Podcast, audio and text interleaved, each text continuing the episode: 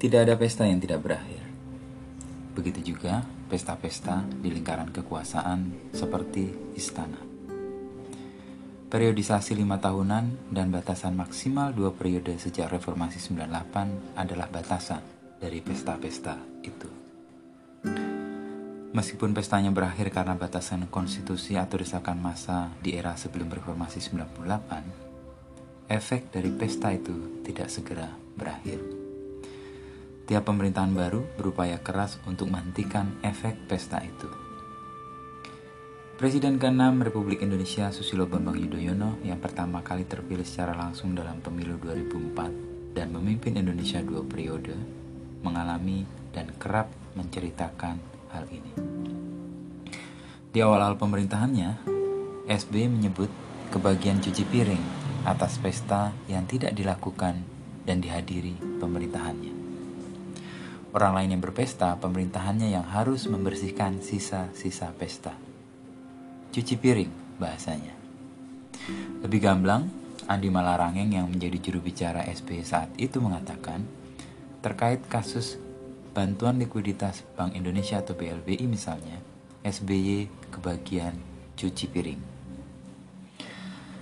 Sebagai presiden pertama yang penuh menjalankan pemerintahan sesuai periodisasi seperti diatur dalam konstitusi, SBY dua kali mengakhiri pemerintahannya. Pertama, di akhir periode 2004-2009, yaitu 20 Oktober 2009, dan kedua di akhir periode 2009-2014, yaitu 20 Oktober 2014. Bersamaan dengan berakhirnya pemerintahan SBY, pesta-pesta juga usai. Seperti juga dialami SBY di awal-awal pemerintahannya, Usianya pesta tidak serta-merta mengakhiri efek dari pesta-pesta itu. Cuci piring setelah pesta adalah konsekuensi berikutnya. Semua melihat akhir pemerintahan SBY periode pertama 2004-2009 memang gilang gemilang. Partai Demokrat yang didirikan sebulan setelah SBY diangkat menjadi Menteri Koordinator Bidang Politik dan Keamanan oleh Presiden Megawati Soekarno Putri menang. Perolehan suara partai yang didirikan 9 September 2001 pada pemilu 2009 ini nyaris tiga kali lipat dari perolehan di pemilu sebelumnya. Tidak hanya itu, dalam pemilu presiden 2009, SB yang berpasangan dengan Budiono menang telak satu putaran melawan pasangan Megawati Prabowo Subianto dan Yusuf Kala Wiranto.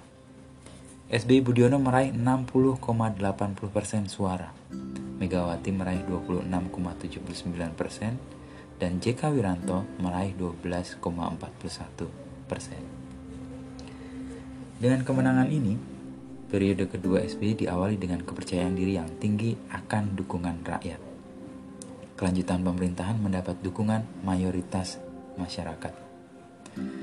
Namun bersamaan dengan kegairahan di periode kedua, terkuak kasus pemberian dana talangan atau bailout kepada Bank Senturi tahun 2008. Suntikan dana segar yang semula diperkirakan 632 miliar membengkak menjadi 6,7 mil triliun.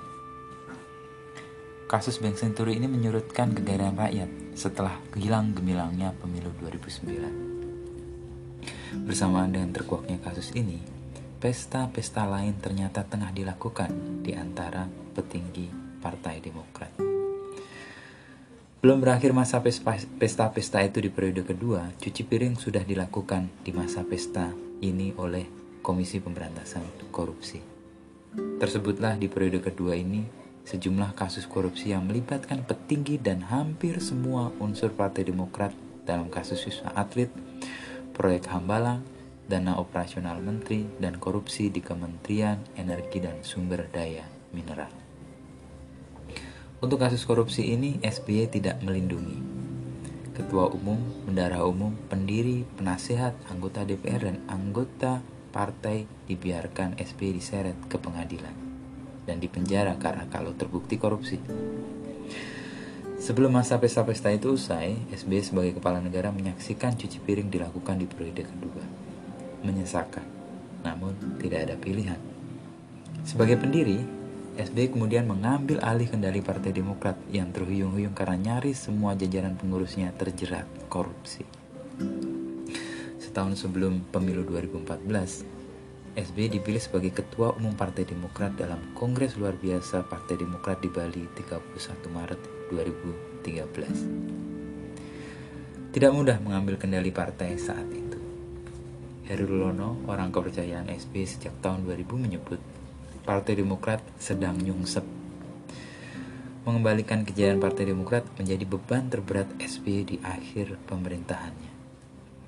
Jaya di pemilu 2009 dengan 20,85% suara, Partai Demokrat hanya meraih 10,19% suara di pemilu 2014. Sekitar separuh pemilih Partai Demokrat 2009 tidak lagi memilih Partai Demokrat dalam pemilu 2014. Periode kedua SBY berakhir. Tidak hanya pesta-pesta, tetapi cuci piring atas pesta-pesta itu juga terjadi di periode kedua dan cuci piring itu tampaknya tak berhenti di akhir periode SB saja. Pemerintahan berganti, cuci piring atas pesta-pesta sebelumnya tengah dilakukan oleh KPK.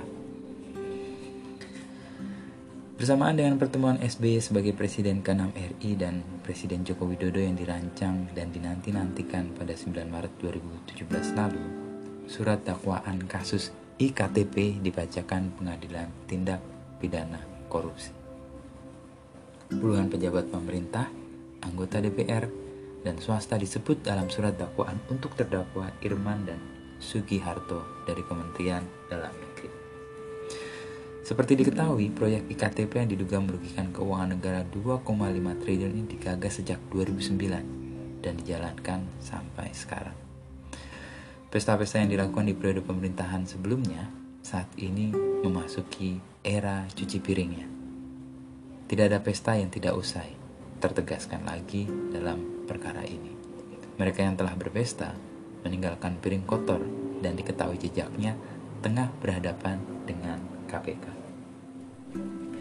Di tangan para penyidik KPK yang bekerja dalam sunyi, kita berharap cerita pesta terkait IKTP ini ada akhirnya. Kita ingin, kita tidak ingin menambah cerita tidak selesai di lingkaran istana. Oh ya, apa cerita yang tidak selesai di istana? SB dalam pertemuan singkatnya dengan Jokowi di Istana Merdeka mengemukakan hal itu. SB mengusulkan ada klub presiden yang mewadahi komunikasi presiden dengan mantan-mantan presiden Republik Indonesia. Seperti kita ketahui, meskipun menjabat sebagai presiden selama 10 tahun, komunikasi SB dengan Megawati tidak pernah terjadi, bahkan hingga hari ini.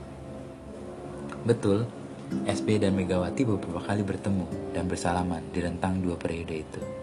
Namun, tidak pernah berkomunikasi. Keduanya hanya singkat bersalaman atau bertatapan tanpa ada kata-kata yang diucapkan sejak perpisahan dilakukan 11 Maret 2004. Saat itu, SBY sebagai Menko Polkam mengirimkan surat kepada Presiden Megawati perihal pengunduran dirinya sebagai menteri. Pertemuan pertama SBY dan Megawati terjadi di gedung MPR saat Ketua MPR Taufik Kemas yang juga suami Megawati mengundang keduanya di peringatan Hari Lahir Pancasila 1 Juni 2010. Pertemuan terakhir kedua terjadi di Taman Makam Pahlawan Kalibata saat menyambut jenazah Taufik Kemas yang akan dikebumikan 9 Juni 2013. Jokowi yang saat itu menjadi gubernur DKI menjadi saksi pertemuan terakhir itu. Tidak ada pesta yang tidak berakhir. KPK dengan para penyidiknya yang bekerja dalam sunyi membuktikan hal ini.